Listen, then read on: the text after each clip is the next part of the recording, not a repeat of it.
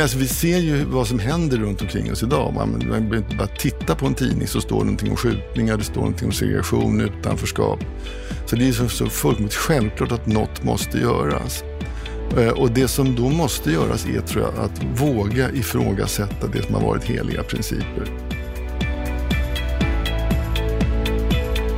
Han är orolig och menar att verkligheten nu tvingar fram ett nytt förhållningssätt för vår bostadspolitik. Som att social housing-begreppet behöver utmanas, fastighetsskatt återinföras och ränteavdrag slopas. Göran Cash, samhällsplaneraren som alltid älskat stadsplanering men som fick en traumatisk upplevelse av frågan att leda flytten av Kiruna. Han menar att mycket som byggs idag har för låg kvalitet och att Bolunds bostadspolitik skapar en fattigdomsfälla. Varmt välkommen till ännu ett superintressant samtal här i Bopolpodden. Jag heter Anna Bellman och jag har äran att få börja med veckans Aktuellt som vanligt.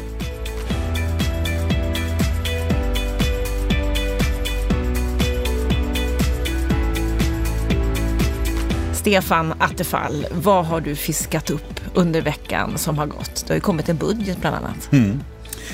Ska vi börja med den så kan man säga att eh, läser man budgetpropositionen om bostadsfrågorna så är det faktiskt oerhört lite av nyheter. Det är liksom ingenting. Eh, det enda som finns där är egentligen att man ger lite mera pengar till det här investeringsstödet som vi visste skulle komma. Men hur det här investeringsstödet som nu ska återinföras från och med 1 januari ska se ut, det vet vi inte säkert ännu. Därför att det finns ju en promemoria ute på remiss och den skissar på lite olika förslag på hur man ska, som det heter i 73-punktsprogrammet som regeringen med eh, Liberalerna och Centerpartiet kommit överens om, att det ska koncentreras och effektiviseras.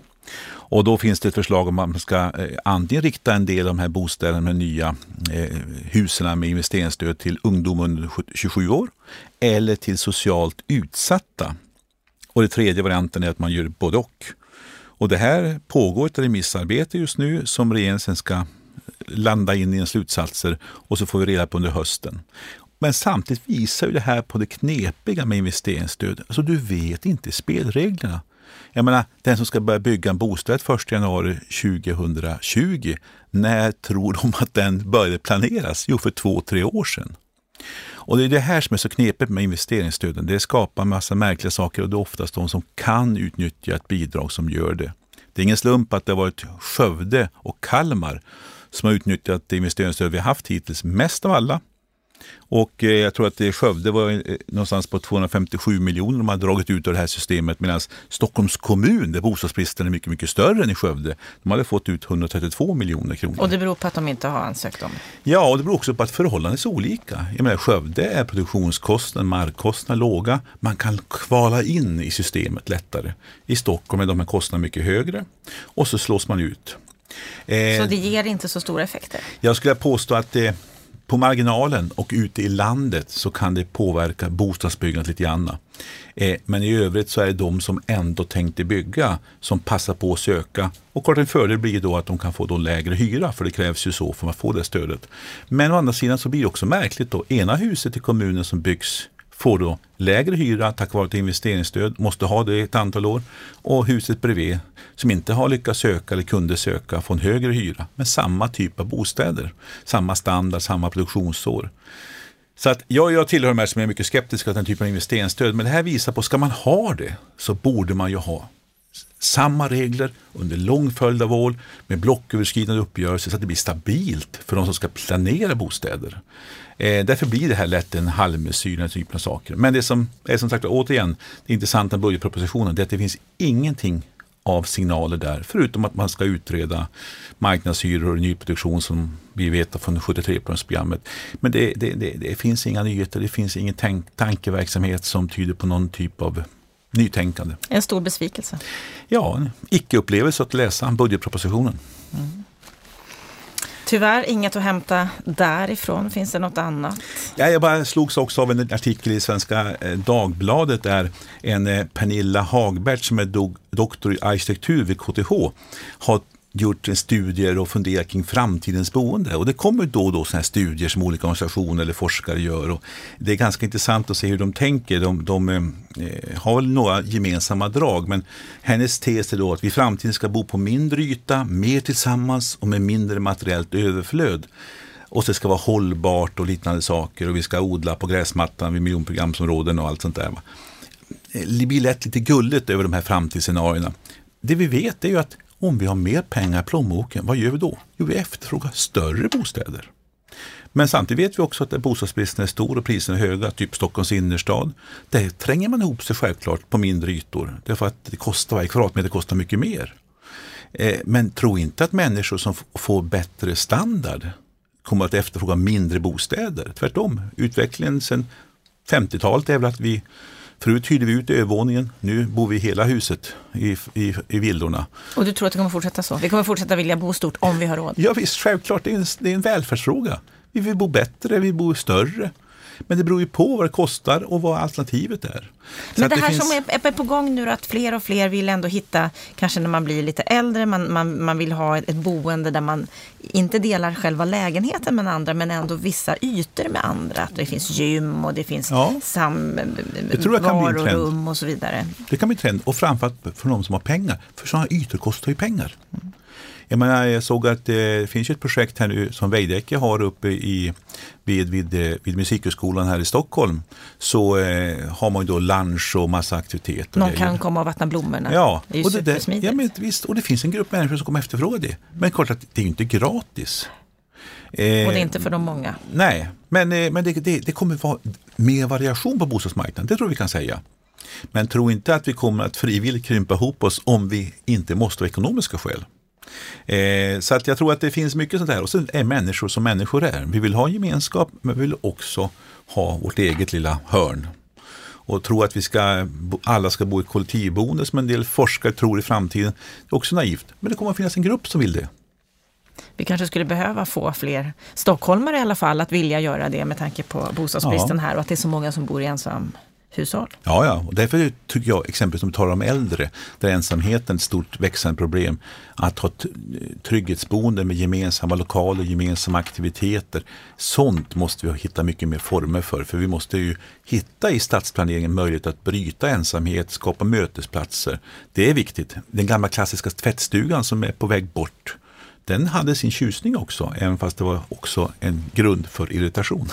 Och då kommer vi in på ett annat ämne som vi kommer att fördjupa i ett kommande avsnitt av Bopolpodden, nämligen detta med ensamhet i städer mm. som blir bara större och större. Viktigt ämne. Mycket viktigt. Bra, lite grejer som har hänt och mycket som inte har hänt som jag hade hoppats skulle hända när det gäller mm. budgeten under mm. veckan. Vi har ett intressant samtal med Göran Kars här på ingående om en stund. Stefan ska du få komma tillbaka och kommentera det.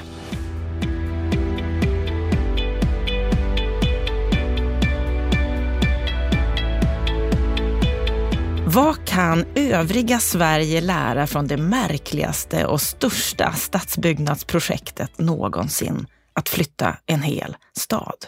Idag ska vi få möta samhällsplaneraren som alltid älskat stadsplanering men som fick en traumatisk upplevelse när han fick frågan att leda stadsomvandlingen i Kiruna.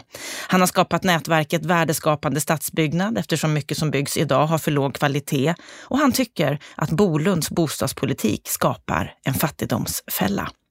Varmt välkommen till Bopolpodden, Göran Kars. Tackar så mycket. Vad är din sinnesstämning idag? Den är euforisk kanske att ta i, men den är hemskt positiv. Jag är liksom, tycker att det finns så mycket kul att göra och jag tycker att saker börjar rulla i rätt riktning också. Du är svensk samhällsplanerare och kulturgeograf. Du är professor i samhällsplanering vid KTH, Kungliga Tekniska Högskolan, ledamot av Ingenjörsvetenskapsakademin. Det låter fint. Ja, det låter jättepampigt. Är det det?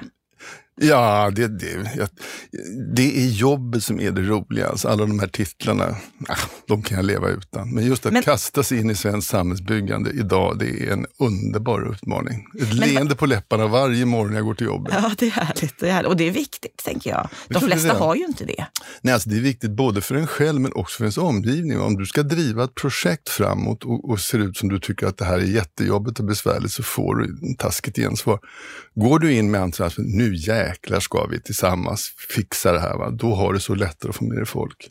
Mm, och när man läser om dig, då är det också den bilden som kommer fram, att du har ett leende på läpparna när du går till jobbet och att du alltid har längtat efter att jobba med det här. Från det att du satt i sandlådan. Från sandlådan till legoklossarna till mekaner. Det här har varit mitt liv. Alltså. Vad är det som älskar... gör att du älskar det här? Jag tycker det är så kul med just det här att vara med och skapa någonting och att liksom kunna känna att min professionalism kan bidra till att göra någonting som faktiskt är lite bättre. Det är drivkraften. Sen är det naturligtvis hemskt elementärt att det är hemskt kul att se att någonting man börjar tänka så småningom manifesterar sig i en byggnad. Wow! Det är stort. Det är stort. En titel ändå som jag tycker är lite rolig att grotta lite i när det gäller dina titlar, det är just den här om kulturgeograf. Mm. Det sägs ju om den, när man kollar lite närmare, att en kulturgeograf ofta har en bred tvärvetenskaplig utbildning, mm. genuina kunskaper om människans förhållande till olika platser och områden. Mm. Och att fokuset ligger på mänsklig aktivitet snarare ja. än fysiska aspekter. Ja. Är det här någonting som vi ibland missar. Absolut. Vi, vi, det som är så uppenbart för mig var det att det vi ska skapa är inte liksom arkitektoniskt fantastiskt eller fruktansvärt rationellt eller tekniskt bra. Utan vi måste börja utgångspunkten, här ska människor jobba eller vistas eller bo. Vad har de för anspråk? Vad, vad tycker de är en bra miljö? Och börjar man där va, så får liksom tekniken och det andra anpassa sig till. Och då blir det ofta bättre. Idag anpassar vi oss oftast utifrån byggnader? Ja, alltså vi, vi, börjar, vi börjar med platsen, vi börjar med byggnaden, funktionaliteten, ekonomin och inte minst arkitekturen. Och sen så kommer människan in. Ser du någon förändring här? Ja, det är en förändring på gång, det är helt klart. Det är en av de här sakerna som är positiva. Att vi börjar bli allt medvetna om att det faktiskt finns en människa eller en kund eller vad vi vill kalla dem, va, som ska nyttja det här och då måste det vara förbaskat bra för just den personen. En annan sak som jag läste om dig, det är att du inte ser på TV. Nej, varför inte då? Därför att jag blir knottrig när jag ser på Rapport och så, så ska ha ett viktigt, en viktig händelse som hänt och så frågar man tant Elsa på gatan, vad tycker du om utvecklingen i USA just nu? Eller vad det kan vara för någonting. Och då tycker jag det är liksom så bottenlåg nivå. Det analytiska finns inte. Ska jag se på tv så är det BBC. Det är liksom nyheter Men där. vart hämtar du din inspiration och din koll på läget? Kollen på läget, eh, radio eh, kör jag en hel del och jag körde lite grann av typ internationella nyheter och sen så eh, fackpress faktiskt. Men tv, nyhetsbevakning i tv, samhällsprogram i tv tycker jag är under all kritik idag. Mm, vi det behöver det fördjupade samtalet. Det fördjupade samtalet behövs. Va? Det här snuttifierade är avskyvärt. Så vi behöver Bopolpodden? Ja, Bopol. det, är därför, det är därför sådana här saker är viktiga. Det är därför jag är här. Att liksom kunna föra ett samtal kring viktiga frågor, att inte snuttifiera, förenkla. Du har sagt, för nu, alltså det, det som är coolt med din karriär, det är ju det här unika stadsbyggnadsprojektet, stadsomvandlingen i Kiruna. Ja. Att flytta en hel stad. Ja. Det, måste det är man ju säga. häftigt. Det är jättehäftigt. Det har ju aldrig hänt alltså. Inte i hela världen? Nej, jag hade när jag flyttade upp till Kiruna precis ett par tyskar på besök från Der Spiegel. Och tyskar kan ibland vara mycket noggranna så de frågar, har detta hänt tidigare? Och jag sa ärligt, ja, inte en aning. Tre veckor sedan jag får ett mejl, det står vi har gjort ordentlig research. Det har aldrig hänt. Det närmaste de kom det var alltså östtyska kolbyar. Vet du, tar ut brunkolet så har man tvungen att flytta på några byar. Det var det närmaste de kom. Nu ska vi flytta på en hel stadskärna.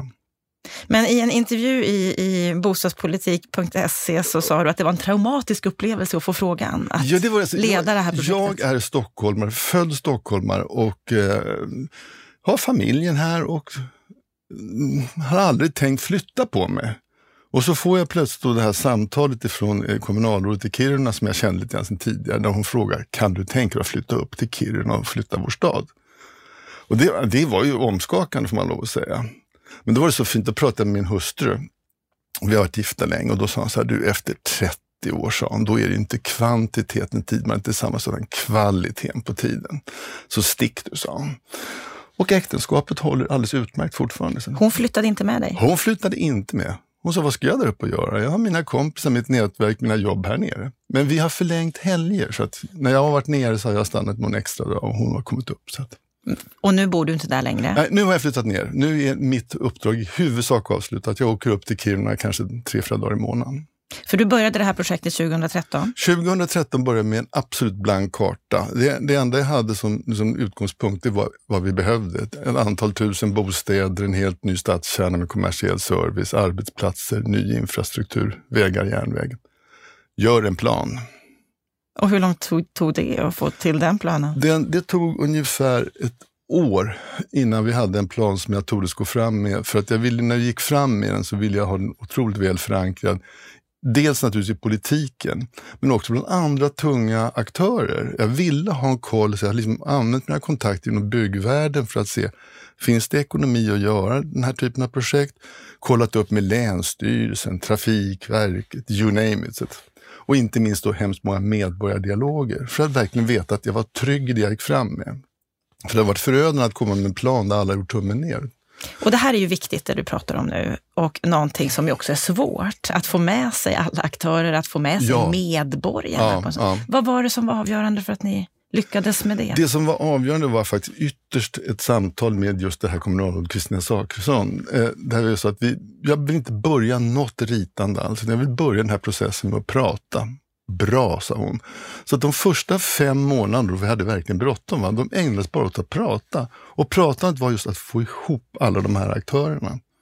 Och du frågar explicit om medborgarna och det, det är ju på sitt sätt det svåraste. Det roliga i det här fallet var att både jag och kommunalrådet hade samma uppfattning att stormöten är av ondo. Varför då? De, de domineras alltid, för lite enkelt, av ett gäng sura gubbar, 55 plus, som absolut inte vill ha förändring och som gör sig till tolk för alla andra. Och de börjar varje möte med att säga, vi vill inte. Och sen så dominerar de hela tillställningen, det blir pajkastning. Så det vi gjorde istället det var att vi sa att vi ska söka upp folk i situationer där de känner sig komfortabla. Så jag har varit på syföreningsmöten, jag har varit på kulturförening, jag har varit på dagismöten, jag har varit på PRO-möten, jag har varit mycket i skolor och pratat stadsomvandling, samtalat stadsomvandling. Och inte börjat i det här, vad skulle ni vilja ha? För då får man ofta en önskelista. Utan jag tyckte det var smart, eller vi tyckte det var smart att börja ställa frågan, vad är det som är dåligt i den nuvarande stan? Vad är det för någonting som skulle behövas? Och då har vi fått en massa saker, men det är för mycket bilar i stadskärnan, det är för glest, vi saknar ett stort torg vi vill ha och så vidare. Och då kom ändå en önskelista? Det, det kommer en, en, en, en önskelista baserat, in, in, inte hur exakt det ska göras, men en, en önskelista utifrån det man uppfattar som problematiskt idag. Och då blir det mycket lättare för att, med, att omsätta önskemål om mindre bilar det är en professionalism i, i att hitta lösningar på det. det. När folk föreslår exakt hur man ska göra och framförallt man börjar önska saker som är helt orealistiska, då blir det ju lätt ett spel bara. Och så blir det besvikelse för det inte går en, en att uppfylla. En som får, absolut, absolut. Mm. Mm. Så upplever du då att ni fick med er medborgarna? Absolut, absolut. Alltså det, det finns ju en, en, en rädsla och en, en, en avvaktande attityd därför att folk är rädda och det förstår jag. Alltså, vi har gått hem till folk och sagt om tre år ska du flytta, vi ska riva ditt hus. Och det är klart att man blir ängslig, orolig och negativ lätt då. Va? Såklart, det är ju ens Såklart, Ja, det är självklart. Va? Men däremot så, när vi har gjort saker, det vi gör, det har varit hemskt mycket tummen upp. Och Kiruna är ju en liten stad och jag möter ju liksom, så fort jag går på stan människor, ofta får jag positiva kommentarer till vad fint det blir med stadsparken, vad trevligt stadstorget är, vad snyggt nya stadshuset är. För de ser mervärdet de, de, de har fått de ser, istället. Ja, precis. Va? Så är det. Och de här sura gubbarna, de har, har väl ändå funnits? Eller? De finns alltid. Hur har ni hanterat dem? Inte alls. Alltså de, de, har väl en röst som alla andra, men de ska inte för en sekund tro att de är tolkar för Kirunaborna, utan deras röst finns. Dessutom så är det väl så att en och annan surgubbe är det liksom utav tradition och vana. Jag har träffat en av de värsta surgubbarna nu ganska nyligen. Och då sa han, jag måste ju tillstå att det blev ganska bra. Mm. Mm. Och då kan du få ett ännu större leende på läpparna? Det kan jag få säga. Vad skönt att du tycker det. Det var roligt att höra från dig. Och då lämnade du fram planen efter ja. ett års ja. samtalande ja. Ja. Och, och sonderad terräng och Allt, allt det här. Och, och tydlig. Gick den igenom? Då? Det gick igenom. Alltså, Kiruna är ju känd för att vara en ganska strulig kommun. Vi hade, jag minns rätt, 13 partier i fullmäktige. Och de hade hemskt svårt att komma överens. Alltså du hade förutom de vanliga, sådana som Knegarkampanjen och Kirunapartiet och Samelistan. Så att det var ju en, en viss nervositet, för jag, jag visste att eh, om inte politiken pekade hemskt tydligt så skulle vi aldrig få någon som, som vågade investera. Men den här planen antogs enhälligt i fullmäktige. Och det var otroligt viktigt för att just tryggheten hos de som ska investera i Kiruna. Kiruna är 130 mil norr om Stockholm. Det finns ingen personal, inga maskiner, inget material. Allt ska liksom flaktas upp. Så att startkostnaden för ett projekt är ju jättestor och att då göra den och inte riktigt vara säker på vad som händer efter nästa val, nej, ingen skulle ha satsat. Men nu gjorde de det? Nu gjorde de det. Nu är de där. Nu Mm. byggs det Nu för byggs fullt. det för fullt och, och mycket, ni har kommit långt. Vi har kommit bra långt nu. Alltså nu är stadshuset färdigt, eh, vi har de första bostäderna färdiga och under uppbyggnad är de kontorskvarter och det är vårt stadshotell och det är Kulturhuset och de andra projekten rullar på. Kontrakt skrivna och vi har en- en byggplan som innebär att vi kommer att vara färdiga med alltihopa 2022. Mm, jag var ju där för ett tag sedan. Det är ju väldigt trevligt att komma Ja. till Kiruna. Men jag är ju inte den som kan stan. Har ni behållit känslan Kiruna Ja. eller är det något helt nytt? Nej, det är inte alls något helt nytt. Jo, det, det, det är fel. Det är en blandning av gammalt och nytt. Ja, för gamla kyrkan som är så vacker, Ja, den finns ju där. Och klocktornet är kvar. Ja, alltså det, det var ju en fråga om vad vi kunde ta med och vad vi var tvungna att riva. Och det här är en förhandling med LKAB som ska betala eh, och man väljer sina strider. Så att Stadshuset som i och för sig var uppskattat, Kasper Salinpris och alltihopa, är ju en enda stor betongklump egentligen. Det går, allt går, men att flytta den hade varit astronomiska kostnader. Så att då väljer vi istället ett, ett, ny, ett nytt stadshus men med samma kvalitet, att det ska vara verkligen en märkesbyggnad. Däremot klocktornet som stod ovanpå, det var liksom en typisk Kiruna-symbol, så det kommer med. Och det har vi nu placerat på Stadshustorget alldeles framför nya stadshuset. Kyrkan, självklart. Kiruna stadskyrka, inget snack om saken. Eh, det är den kanske allra mest älskade och uppskattade byggnaden i hela stan. 2006 hade det som kallas för Stadsmiljörådet en populäromröstning bland alla svenskar om Sveriges vackraste byggnad. Och Kiruna stadskyrka var outstanding nummer ett. Ja, då var det inget snack. Den, Inget den snack, inget snack. Så hur många byggnader har ni då bevarat? Vi har i dagsläget 23 byggnader som är flyttade eller kommer att flyttas. Men de som flyttar har utvecklat sin teknik och förstått att mm, man kan göra det här ganska smart. Så att just nu har vi uppskattat att kostnaden för att flytta många byggnader är ungefär jämförbar med kostnaden för nybyggnation. Och det betyder att den här listan med 23 byggnader kommer sannolikt att öka och bli betydligt fler. Men sen är det viktigt, alltså det här förvånade mig. När jag träffar medborgarna så säger jag det här, de här byggnaderna som flyttar. Och då kan jag få frågor, hur blir det med parkbänkarna då på Mersplan? Mm, De är eller, viktiga. Jaha, eller lyktstolparna på Föreningsgatan, eller sandlådan här, eller vad det kan vara för. Saker man kanske inte tänker på är Saker, viktiga. saker, små saker som har en sån tydlig identitet och koppling till något, eh, ja, till människors liv och leverne. Så att, förutom byggnader kommer vi också flytta en massa artefakter.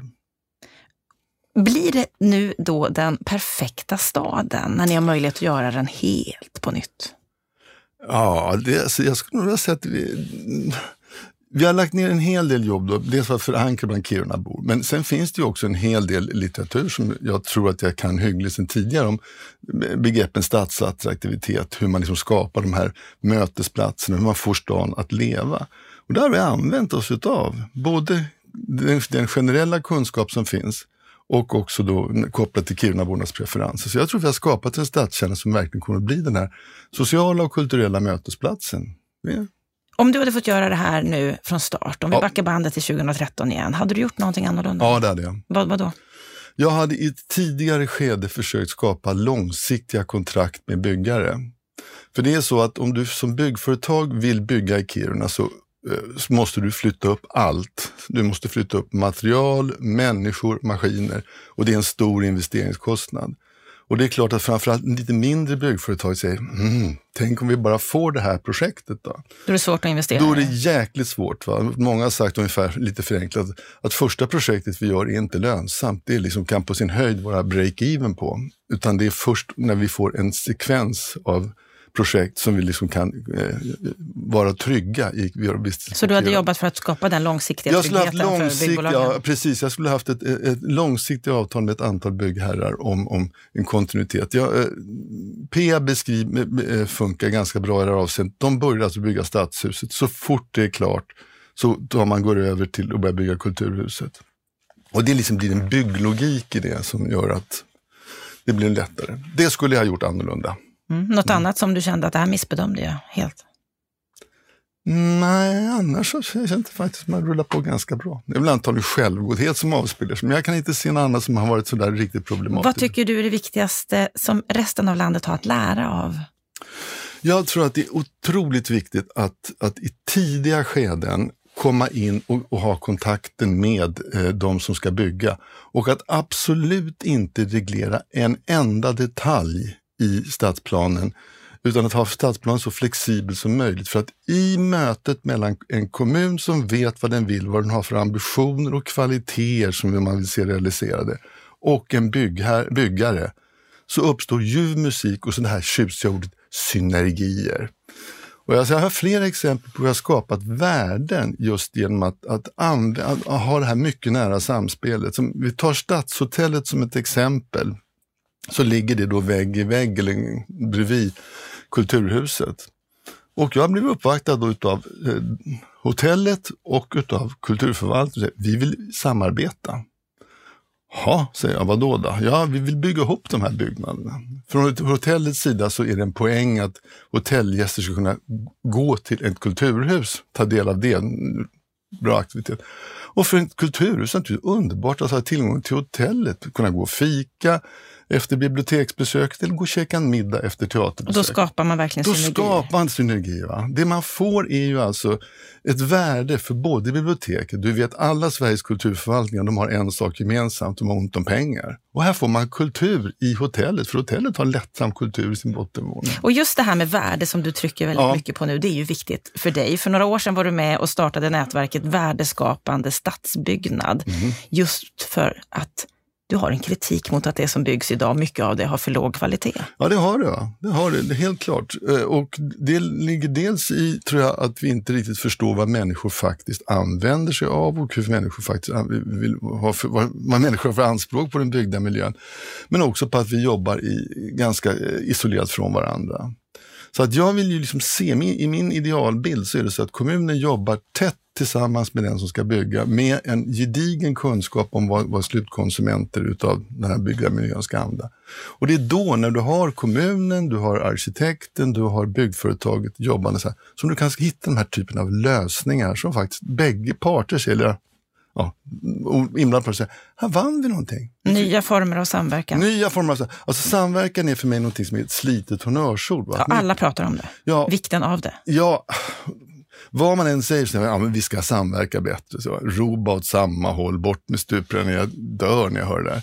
Alltså, det, det som vi har haft som motto i Kiruna det är att vi ska samverka, vi ska samverka på ett nytt sätt. Varje möte vi har, varje, varje träff ska sluta i tre saker. Vad är det ska göra som ska göras? Vem ska göra det och när ska det vara gjort? Och då blir samverkan hemskt effektiv. Men det där låter ju självklart. Ja, men hur många gånger har inte du suttit på möten där det snackats och snackats så går man ut ur rummet och känner så Och så har man inte någon gemensam bild om vad som ska göras Nej, och så vet man att när vi alla kommer hem så blir det business as usual. Just när folk säger så här, det där låter bra, jag ska ta hem det. Då förstår man att nej, det här blir ingenting. Ansvar. Ansvar. Ja, just när man, man har den här tydligheten. Man, man avslutar mötet med att säga, det här ska vi göra. Vem ska göra det och när ska det göras? Det gör det I, en, enkelt. I en krönika i Fastighetsnytt så har du skrivit så här att du tycker att det finns goda skäl att återerövra de ideal som styrde offentligt stadsbyggande för hundra år sedan. Mm. Och skälet till det, det är att det som byggdes då, många av de byggnaderna som skolor, posthus, rådhus, mm. de står kvar än idag. Ja. Och så skriver du så här, att tro att lägre byggkostnader är en vinst mm. är att lura sig själv. Ja, det är det. det, är det. Vi pratar ju ofta ja. i debatten om att vi måste bygga billigare. Mm. Varför lurar vi oss själva? Därför att det vi gör inte motsvarar de krav som finns för dagen och dels eh, också därför att de här byggnaderna inte blir beständiga. Alltså det är intressant att fundera över varför de här byggnaderna, Sverige var ett fattigt land tidigt 1900-tal och ändå så byggde vi de här monumentala byggnaderna, de här fantastiska byggnaderna som både bidrog till en, en självkänsla i staden men som också var hemskt uppskattade miljöer och som fortfarande stod kvar där. De byggdes på ett sätt som gjorde att de eh, Självklart så ändras våra anspråk och våra behov över tid, men de klarar den här typen av omvandlingar. Och det fanns gör, det en annan syn på stadsbyggnad då? Det fanns en helt annan syn. Det var ju otroligt viktigt att, att i stadsbyggandet manifestera staden och stad, det som var viktigt för staden. Det var viktigt med en skola, det var viktigt att rådhuset var fint, det var viktigt att stadshotellet var en symbol för staden och någonting inbjudande. Det sker idag också. Och hur gör vi då för att skapa de här hållbara, högkvalitativa byggnaderna som vi behöver och samtidigt tänka framåt? Jag tror att vi måste förstå att, eh, att vi som investerare, inte minst när det gäller offentliga byggnader, va, att vi faktiskt ska göra någonting som ska stå under lång tid och någonting som ska manifestera staden och någonting som också ska ha en möjlighet till flexibilitet över tid. Jag tror att det är en utomordentligt god filosofi som dessutom är, är lönsam. Problemet är naturligtvis att mycket av politik och beslutsfattande idag är, är hemskt kortsiktigt. Man liksom ser till den investering som ska göras under mandatperioden. Och det är tyvärr ett feltänk. Alltså går vi tillbaka hundra år i tiden så tänkte inte ledande politiker riktigt på samma sätt. Nu har vi ju ledande politiker som du har kritiserat. Ja. Du har gått ut och sagt att Bolunds bostads... Det är fördelen med att vara akademiker också, att man kan ju slå åt alla håll utan att bli att Utan det... att bli ifrågasatt, fast det blir du väl? Jo, det är ifrågasatt blir jag, men, men man, man, liksom, man, blir inte avskedad. Nej, du får, du får fortsätta att tycka. fortsätta. Det du bland annat sa här i Expressen i våras, det var att Bolunds bostadspolitik skapar en fattigdoms fälla. Mm. Du skrev en eh, debatt här tillsammans med HSBs ordförande Anders Lago. Mm. På vilket sätt skapar Bolunds bostadspolitik en fattigdomsfälla? Alltså det gör den genom att eh, inte ifrågasätta bolånetak och annat. Eh, vi får alltså ekonomiska villkor som gör att unga personer får än svårare att komma in på bostadsmarknaden. Och det här är ett jätteproblem idag. Alltså är du ung så har du otroligt svårt att komma in på bostadsmarknaden. Så att amorteringskrav och bolånetak är i det här läget, jag förstår precis den goda tanken, men det slår kolossalt hårt och är hemskt olyckligt för de som då ska in på marknaden.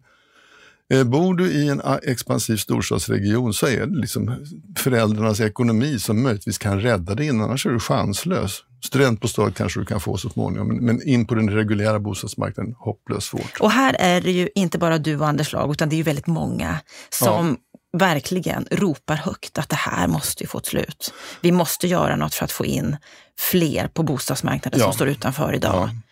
Lyssnar inte Bolund på det här? Han lyssnar säkert på det, men sen är det väl så att, att Bolund har, är, finns ju också del i en regering. Tror att om Bolund skulle säga nej nu ändrar vi på bolåneregler och annat så skulle Bolund kanske bli nypna i örat av någon finansminister. Det är nog inte helt osannolikt. Så vi ska inte lägga all skuld på Bolund, utan anledningen till att vi skrev till Bolund just var ju att han är ju trots allt bostadsminister. Mm. Kom, kommer vi se någon skillnad? Kommer vi få se någon förändring inom det här området tror du? Eh, jag tror att eh, det är alltid så att det finns en, en tveksamhet eh, och det här är en känslig fråga, jätteknepig fråga. Och då finns det alltid en motvilja mot att ta i den. Men sen kan ibland verkligheten skutta i, fa, i fatt som gör på något sätt att det blir ohållbart att inte ta tag i frågan. Och nu pratade vi i den här artikeln, du nämnde om ungas inträde på bostadsmarknaden. Vi har också en jättestor grupp nyanlända eh, som ska in på bostadsmarknaden. Och de har som regel inte överdrivet stora kostnader. Eh, inkomster. inkomster. Eh, så att, eh, det här är ett problem som kommer att explodera i knät på oss om vi inte tar fatt i det. Så att jag är övertygad om att det kommer att utvecklas en politik, men det är med stor, stor smärta man kommer att ta fram den. För hur man än omorganiserar sin bostadspolitik och lägger om den, så kommer det att finnas vinnare och förlorare. Vi behöver en social bostadspolitik som fungerar. För nu Absolut. är vi inne på frågor om segregation, ja, integration. Ja, ja. Nej, alltså, vi ser ju vad som händer runt omkring oss idag. Man, man behöver inte bara titta på en tidning så står det någonting om skjutningar, det står någonting om segregation, utanförskap. Så det är så, så fullkomligt självklart att något måste göras. Eh, och det som då måste göras är tror jag, att våga ifrågasätta det som har varit heliga principer. Jag tror som? Man, ja, jag tror till exempel att begreppet social housing måste utmanas. Alltså när man säger social housing i Sverige så är det omedelbart man stämplar som någonting, jaha, så du vill ha det som i Frankrikes förorter då. Och social housing för mig kan vara hemskt mycket. Eh, och det kan också vara någonting som är positivt. Va? Sen ska vi ha klart för oss att man, man säger att vi har inte social housing i Sverige. Åk ut till Rinkeby och titta. Jag kan inte tänka mig ett mer segregerat område. Så hur skulle du vilja se en fungerande social housing här? Jag var i New York alldeles nyligen och tittade lite grann och där eh, har man ett system där man alltså bygger, när du bygger ett projekt så får du också en, en krav på dig att införa en viss andel som heter affordable housing. Alltså bostäder med en reglerad hyresnivå. Och det är naturligtvis rena socialbostäder. Men att ha det insprängt i en attraktiv stadsdel är ändå, det är klart det är, samma, det är segregation det är med, men det är segregation på mindre skala. Och Jag tror att det finns mycket att vinna på den mindre skalan så att ungar möter varandra i skolan, i närmiljön. Man kan ju ta parallellen med Sverige. Idag vid stora utanförskapsområden, vi har en segregation som är klockren. Men det hade vi också i tidigt 1900-tal inne i våra städer. Men då hade vi segregationen i form av gathuset där de lite finare bodde och gårdshuset där de sämre bemedlade bodde. Men det var ändå en, segregation i den lilla skalan och just att vi möter varandra tror jag är viktigt. Så att tankar på hur vi kan bryta upp de storskaliga eh, förortsområdena som är segregerade, utanförskapsområdena och integrera, med, få en mer blandad bebyggelse, det tror jag är en jätteviktig nyckel framåt. Sen ligger ju hemskt mycket där som man inte törs prata om nästan i, i våra regelverk. Alltså, det var ju fan att skjuta sig i foten och ta bort fastighetsskatten. Och så dumt, hur kunde man göra det? Man måste våga börja diskutera ränteavdrag, för det här är liksom förmåner som vi ger till de som har det allra bäst på bostadsmarknaden medan de som har det allra svårast har hemskt liten möjlighet att, att kunna realisera sina Så du vill se en utjämning? Jag vill se en, det är självklart, alltså, återinför vi fastighetsskatten, avskaffar vi ränteavdragen så får vi pengar över, om vi nu betraktar det här som ett nollsummespel, så får vi mer pengar som kan frigöras och då skulle kunna användas just för att producera bostäder, förutsättningar för människor med mindre inkomster. Jag är inte främmande för att, att jobba med bostadsbidrag, men jag tror också att man kan ställa krav på byggherrar eh, i, i bemärkelsen att just göra den här typen av dealar. Att ni får det här området, men precis som i England, USA och andra länder, så måste en del av beståndet också vara eh, upplåtet med, med låga hyror. Eller så då sätter vi krav hyror. både på politiken att ändra regelverket, införa ja. skatten, att ta bort ränteavdraget ja. och byggarna? Absolut. absolut. Det, här, är, det här är ingenting som någon enskild aktör löser, utan det här det, om du ser på läget nu då? För det är ju inte idealiskt som du säger. Det Nej, finns jag, otroligt mycket att göra. Är du orolig? Jag är rejält jävla orolig. Alltså jag vet att jag var en av de som, som eh, skrev en artikel när, när 10-15 år sedan de hade upploppen i Frankrike, man brände bilar. Alltså, det kommer att hända i Sverige också. Och nu är bilbränder vardagsmat. Nu skjuts, skjuts det hejvilt. Va? Det, och det var en fullkomligt förutsägbar utveckling. Och det är liksom så uppenbart att i desperation över någonting som är riktigt dåligt så, så får vi hemskt negativa sociala konsekvenser av det. Och det här är på sikt att vi hotar hela den sociala sammanhållningen i samhället. Så det, för mig är det liksom en akut fråga, det måste fram beslut. Och jag tror att, det, jag ser leende på läpparna, jag, jag är övertygad om att det här kommer att hända nu. Va? Nu, har ver, nu tvingar verkligheten fram ett nytt förhållningssätt. Och det i sig, på sikt, kan leda till något bra? Ja, det tror jag, utan tvekan. Så att på sikt kan vi på känna sikt, oss på sikt. Eh, optimistiska? Fast här är det brådis. Det är det. Vi kan inte vänta för länge? Nej, nej, nej. nej. Upp till kamp. Upp till kamp, absolut. Mm. Mm. Stort tack Göran Kars för att du kom till Bopolpodden och delade dina tankar, dina erfarenheter och dina upprop för en bättre värld här Tack så mycket själv.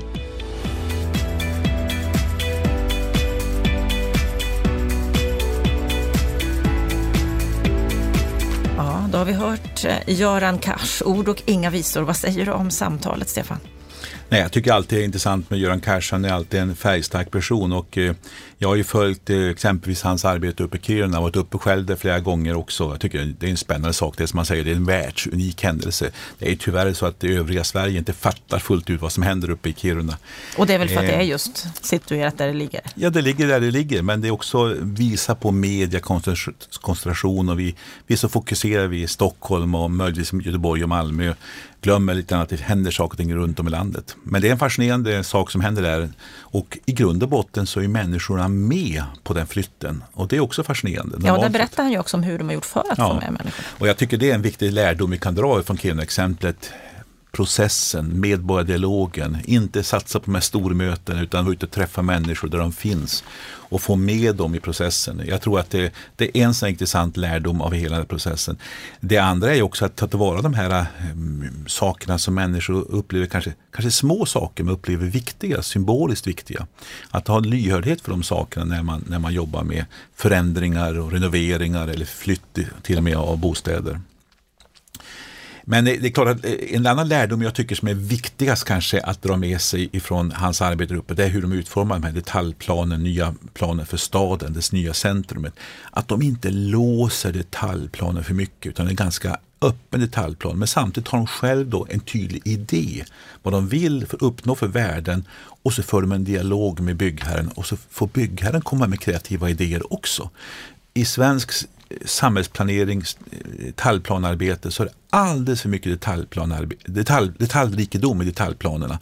Och man vet inte alltid vad man vill och därför måste man styra allt i detalj i varje enskilt projekt. Och så tappar flexibilitet, kreativitet och sen om då inte det går att fullfölja med den byggare som man tänkte sig, då får man börja om igen. Så att jag tycker deras erfarenheter av detaljplanarbetet där, det borde man ta med sig mycket mer till Sveriges kommuner och lära av. Där tror jag att Kiruna har en del att bidra med till övriga Sverige. Sen var vi ju inne i samtalet också på lite andra saker som Göran har starka åsikter om. Bland annat att det här med social housing-begreppet, att det behöver utmanas. Mm. Vad säger du på det? Ja, alltså, jag tillhör de här som inte vill att vi ska gå till den traditionella fall social housing. Men han har ju klart en poäng att beror på vad man menar med social housing. Och vi har ju de här kommunala sociala kontrakten som man kan kalla en slags social apartments, eh, eller vad man ska säga. Eh, jag vill inte ha koncentration, men däremot kan man hitta modeller för att sprida ut hela. Däremot ska man klart för sig, ska man förverkliga hans tankar med någon slags affordable housing enligt USA-modell, så kommer vi in på hyressättningsfrågor, det, det, så det blir flera följdfrågor. Det är inte en lätt resa att göra. Men jag håller med om att vi måste göra någonting för människor som har svårt att komma in på bostadsmarknaden och människor som är alltifrån akuta lägen av sociala skäl till vanliga löntagare som inte kommer in på bostadsmarknaden. Eller låt oss säga en skilsmässofall där man kanske till och med flyttar från eh, en, en relation där det finns våld och, och psykiskt förtryck och så hamnar man i ett läge, jag har ingen bostad och kanske till och med har stadig inkomst, men du får inte låna. Nej, sådana situationer har vi i Sverige idag. Ja, precis. Va? Så att det, i den meningen tycker jag att det är en välkommen diskussion. Men jag tror att det här måste man ta ett grepp ifrån politiken och hitta en gemensam strategi. För att det är ingenting heller man gör på en kafferast. Eh, och ska man bygga upp någon typ av social housing system i Sverige, även om man tar tillbaka de bästa exempel som finns runt Europa, så är det både en lång resa men också en kostsam resa för det offentliga systemet. Det kostar pengar. Eh, så att eh, jag tror att man kan göra mycket inom befintliga system och det är väl min huvudsakliga utgångspunkt att du kan bygga på det som redan finns och göra mycket mer än idag än att skifta system. Eh, och det finns sagt var faror också med, med de här olika modellerna som man ser ut i Europa av ännu mer segregation också. Så Två saker som han verkligen poängterade och som gör honom upprörd att de har förändrats, det är ju det här med fastighetsskatten. Jag tycker han ska återinföras, att ränteavdraget ja. ska slopas. Ja, jag, jag tillhör ju de här som tycker att eh, varför ska jag betala skatt för att bo? Eh, jag betalar ju skatt på alla tjänster jag köper in. Jag betalar eh, skatt när jag säljer, jag ska betala skatt när jag köper och ingen annan vara i Sverige får betala skatt för att jag bara har en sak. Köper jag en båt eller en bil, en bil betalar fordonsskatt för vägarna jag använder, men inte för att jag har bilen. Varför ska jag betala skatt för att bo? Det som är mest grundläggande. Eh, jag tycker det är rimligare med en avgift för de kostnader det offentliga har. Brandförsvar, fysisk planering, gator. Det, mm. Så du menar att han är, han är fel ute där? Alltså, det finns andra han, sätt att Han är samma fack som många ekonomer. Det där är en lätt skattebas. De flyttar inte på sig. Det går lätt att taxera ut det och det har inte så mycket störande effekter tycker de på arbetsutbud och så saker. Det är därför ekonomer älskar fastighetsskatten. Men det är därför också folk har svårt för att acceptera fastighetsskatten. Men det finns ju talesätt som säger att eh, många älskar de tre F att beskatta föda, fastigheter och fattiga människor. Det är de tre eh, sakerna som man brukar säga är lätt att beskatta. De flyttar inte ur landet, det är lätt att komma åt dem skattemässigt. Men det är inte bra att beskatta sånt som är det egentligen nödvändigaste. Men eh, det där är en diskussion som man kan föra. Det finns fördelar och nackdelar med det. Ränteavdragen, ja visst kan man avskaffa dem, men gör man isolerat så får man ännu högre trösklar att komma in på bostadsmarknaden för människor, exempelvis unga familjer. Och då är vi inne på det, det, det, sista här som vi ska ta upp med hans samtal, att han tycker att Bolunds politik skapar en fattigdomsfälla. Ja, alltså om, om eh, jag håller med honom också, det är inte Bolund personligen utan det är ju alla, hela regeringen men också hela det politiska systemet som har en brist på politisk idé. Hur ska jag hyvla ner trösklarna för att komma till bostadsmarknaden? Hur ska jag hitta en balans mellan krav på finansiell stabilitet för hushållens skuldsättning och lätt få komma in på bostadsmarknaden och eh, göra det lättare för människor att också äga sin bostad om man så önskar och få mer rörlighet på bostadsmarknaden, på den hyrda marknaden. Det är det här helhetsgreppet som det politiska systemet idag inte har. Och har man en sån strategi då kan man göra olika saker men måste ha en tydlig färdriktning och det saknar det politiska systemet. Och då kan vi koppla tillbaka till budgetpropositionen vi snackade om tidigare innan den här intervjun. Vi saknar den typen av besked eller inriktningar. Det politiska systemet vet inte riktigt vad de vill och därför blir debatten kring olika symbolfrågor och delfrågor och inte kring en helhetssyn. Skulle behöva ett större grepp helt enkelt? Absolut. Stort tack Stefan Attefall för dina kommentarer den här veckan. Nästa vecka i Bopolpodden så ska vi få träffa en person som har ett mycket starkt samhällsengagemang. Han driver idag ett bolag som han menar är en ny benchmark för svenska fastighetsbolag. Och så rekommenderar han alla att få sparken minst en gång i sitt liv. Hur han ser på marknadsläget, branschen och livet. Missa inte Bopolpodden nästa vecka för då får ni träffa Ilja Batljan. Det var allt för den här veckan. Är det så att du har förslag på vad du tycker att vi borde ta upp så mejla oss gärna. Gör då det på podd bostadspolitik.se. Och med det så önskar jag dig en skön helg och en riktigt bra vecka.